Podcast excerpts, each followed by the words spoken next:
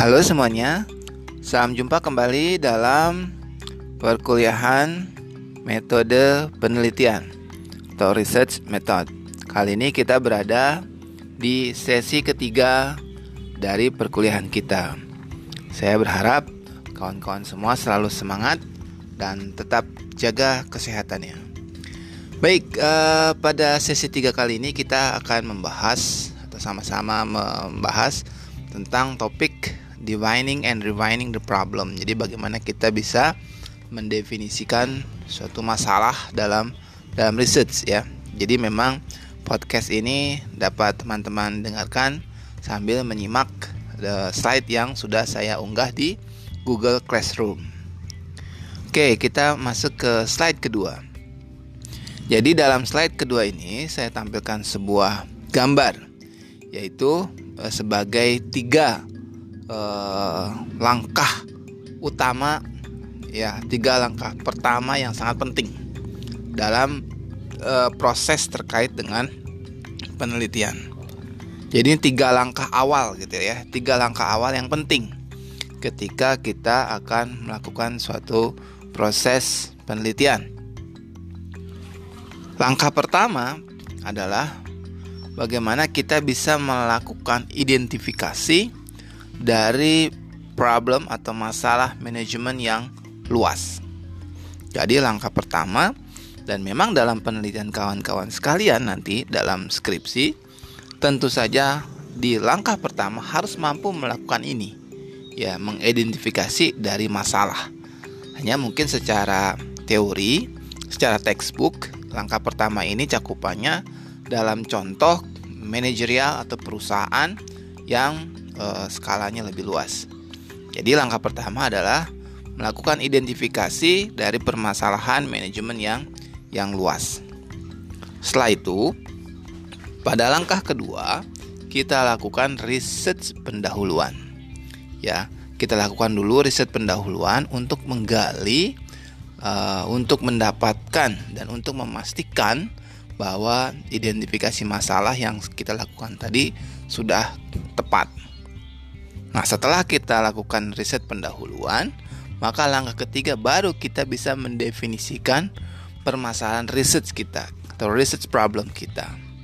Nanti kawan-kawan juga seperti itu ketika bikin skripsi ya. Jadi bikin dulu apa sih yang menjadi permasalahannya, terus kemudian lakukan uh, penelitian awal ya melalui survei awal, baru kemudian bisa mendefinisikan permasalahan risetnya apa, gitu ya.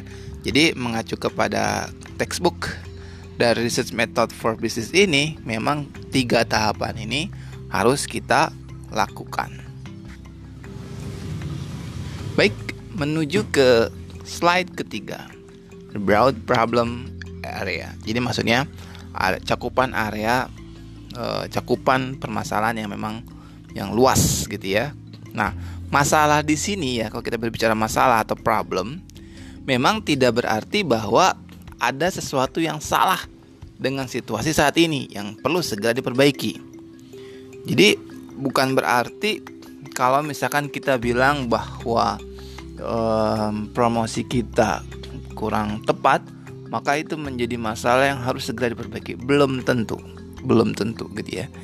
Bisa juga masalah di sini itu menunjukkan minat pada masalah di mana menemukan jawaban yang tepat untuk dapat membantu memperbaiki situasi yang ada. Jadi ini maksudnya adalah uh, interest kita gitu ya. Interest kita ini terhadap sesuatu uh, permasalahan, terhadap suatu fenomena di mana kita berusaha untuk mendapatkan jawaban yang tepat agar bisa memperbaiki situasi yang ada. Dengan demikian, yang menjadi bermanfaat untuk mendefinisikan masalah sebagai situasi apa pun di mana adanya gap ya di mana adanya gap antara kondisi ide antara kondisi ideal ya yang diinginkan dengan harapan. Jadi dengan kata lain kalau kita berbicara masalah itu kata kuncinya ada gap di situ. Gap atau kesenjangan antara kondisi aktual yang diinginkan ya dengan uh, antara kondisi aktual dengan apa yang diinginkan. Misalnya begini uh, saya menginginkan um, penjualan saya mencapai katakanlah satu juta uh, unit misalnya ya. Kondisi aktualnya tercapai 800 ribu unit. Berarti kan ada kondisi gap kesenjangan di situ. Nah kesenjangan itulah yang kita uh, jadikan sebagai landasan awal untuk kita bisa mampu mengidentifikasikan masalah penelitian kita. Oke, lanjut ke slide berikutnya. Ya, slide nomor 4.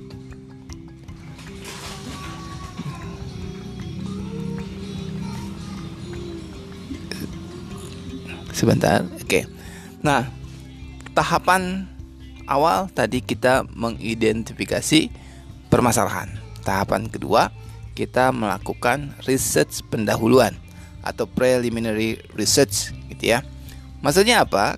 Nah, riset awal ini atau penelitian pendahuluan ini akan membantu kita sebagai peneliti untuk menemukan jawaban atas beberapa pertanyaan. Contohnya sebagai berikut. Yaitu misalnya apa sih masalahnya? Kenapa ya penjualan kita turun? Apa sih masalahnya?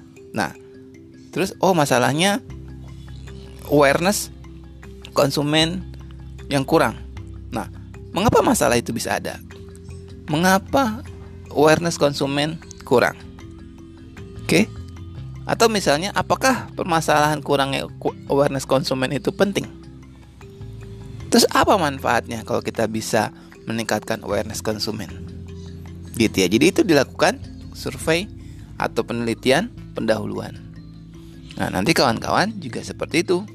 Lakukan survei awal untuk bisa tahu apa sih masalahnya dan tentu saja masalah itu sesuai dengan variabel yang kita teliti. Seperti itu. Oke, lanjut ke uh, slide berikutnya slide kelima, ketika kita uh, akan melakukan uh, apa namanya survei pendahuluan atau riset pendahuluan, maka bisa saja ya sangat baik kita mendapatkan informasi tentang uh, background dan juga ya semacam kayak profile gitu ya dari perusahaan tersebut, perusahaan atau organisasi tersebut. Misalnya apa? Misalnya asal usulnya, ya sejarah perusahaannya maka kalau kawan-kawan itu kan ada tuh eh, profil perusahaan ya atau gambaran umum objek penelitian misalnya. Nah, itu manfaatnya untuk mendapatkan informasi yang bisa dijadikan eh, landasan ketika melakukan survei awal. Misalnya ideologi perusahaannya gimana, filosofi manajemennya gimana, ya lokasinya, sumber daya manusianya seperti apa, ya data keuangan misalnya kalau memang penelitiannya terkait keuangan misalnya ya. Informasi-informasi lainnya.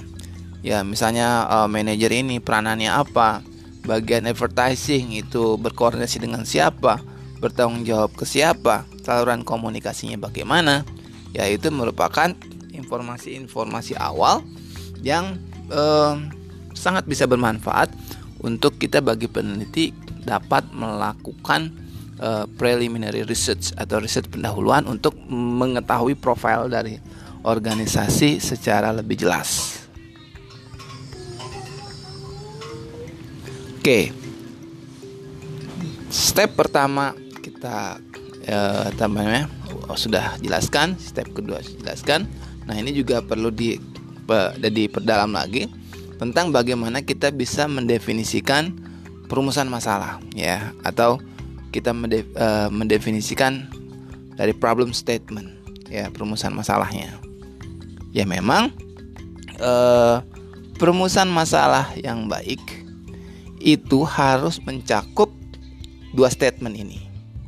Ya statement yang pertama research objektif tujuan penelitiannya apa dan juga statement yang kedua research question pertanyaan penelitiannya bagaimana. Gitu ya. Jadi memang biasanya kalau di kita jadi pertanyaan penelitian terlebih dahulu baru diikuti dengan uh, apa namanya tujuan penelitian. Ya kalau dalam textbook ditulisnya research objective dulu baru kemudian research question. Tapi ini ada, salah satu contoh yang bisa saya uh, berikan yang juga diambil dari textbook. Ya di textbook contohnya misalnya begini ya ini ketika kita merumuskan uh, masalah jadi ada statement tujuan dari penelitian ini ya ada dua ya yang pertama untuk mengidentifikasi faktor-faktor yang mempengaruhi pengalaman menunggu penumpang. Jadi kalau penumpang kan mau boarding misalnya pesawat ya, dia kan dia nunggu dulu gitu ya. Jadi misalnya tujuan penelitiannya ada dua. Yang pertama untuk mengidentifikasi faktor-faktor yang mempengaruhi pengalaman menunggu penumpang. Ya, dan yang kedua untuk menyelidiki ya to investigate kemungkinan ya dampak atau pengaruh dari menunggu terhadap kepuasan pelanggan misalnya ya dan juga misalnya terhadap evaluasi pelayanan misalnya seperti itu. Ya oleh karena itu misalnya penelitian ini berfokus pada pertanyaan penelitian atau research question sebagai berikut misalnya ya nomor satu misalnya faktor apa saja yang mempengaruhi persepsi pengalaman menunggu penumpang pesawat dan sejauh mana faktor-faktor ini mempengaruhi persepsi waktu tunggu. Misalnya seperti itu. Nah, memang kalau kita berbicara research question, dia harus berbentuk kalimat tanya. Ya, berbentuk kalimat tanya. Misalnya yang kedua, apa konsekuensi afektif? Afektif itu emosional dari menunggu dan bagaimana pengaruhnya dalam memediasi hubungan antara menunggu dan evaluasi layanan bisa seperti itu. Yang ketiga misalnya bagaimana variabel situ bagaimana variabel situasional ya mempengaruhi reaksi pelanggan terhadap pengalaman menunggu. Itu contoh saja ya, itu contoh yang uh, saya dapatkan dari textbook uh, apa namanya uh, terkait dengan mendefinisikan perumusan masalah. Nah ini contoh ya, contoh di slide ketujuh itu yang saya ambil di textbook tadi. Jadi ada permasalahannya. Ini adalah masalah uh, bisnis. Kemudian nah, teman-teman bisa baca ya. Uh, misalnya seringnya delay, ya delaynya lama gitu ya. Mungkin bisa menjadi para penumpang pesawat itu frustasi. Ya bahkan dia bisa beralih uh, and to get negative word of mouth communication. Jadi dia bisa juga uh, word of mouthnya negatif gitu ya, ngomong ke orang-orang nggak bagus gitu. Nah, this feeling and behavior, jadi uh, perasaan dan perilaku ini ya bisa berpengaruh negatif kepada performance, kinerja dan profitabilitas dari perusahaan itu. Itu permasalahannya. Nah, menjadi riset objektifnya uh, tadi ada dua riset questionnya di sini juga ada dijelaskan. Contoh yang ini ada di textbook ya. Nah untuk uh, sistematika proposal kalau secara uh, secara textbook memang seperti ini. Jadi ada judul, latar belakang, ya perumusan masalah, cakupan studinya apa, relevansinya apa, research design atau metode penelitiannya gimana, time frame-nya ya, gitu. Dan juga budget dan juga terakhir daftar pustaka. Ya kalau di kita uh, proposal ya misalnya proposal penelitian pasti ada pendahuluan terisi latar belakang perumusan masalah ya. Ada itu sampai dengan uh, tujuan uh, penelitian. Kalau di kita ada uh, bab duanya ada tinjauan pustaka terlebih dahulu baru ke bab tiga metode penelitiannya ya sama ya jadi dari mulai jenis penelitian cara mengumpulkan datanya gimana, ya e, penarikan sampelnya bagaimana, sampai teknik analis data seperti apa. Baru kita bikin e, jadwal penelitian, terus terakhir kita bikin e, daftar pustaka ya, sama kurang lebih seperti seperti yang ada di textbook. Nah, terkait dengan e, cakupannya e, di perusahaan, manajer punya peranan yang penting di sini. Jadi manajer harus selalu terlibat dalam uh, research.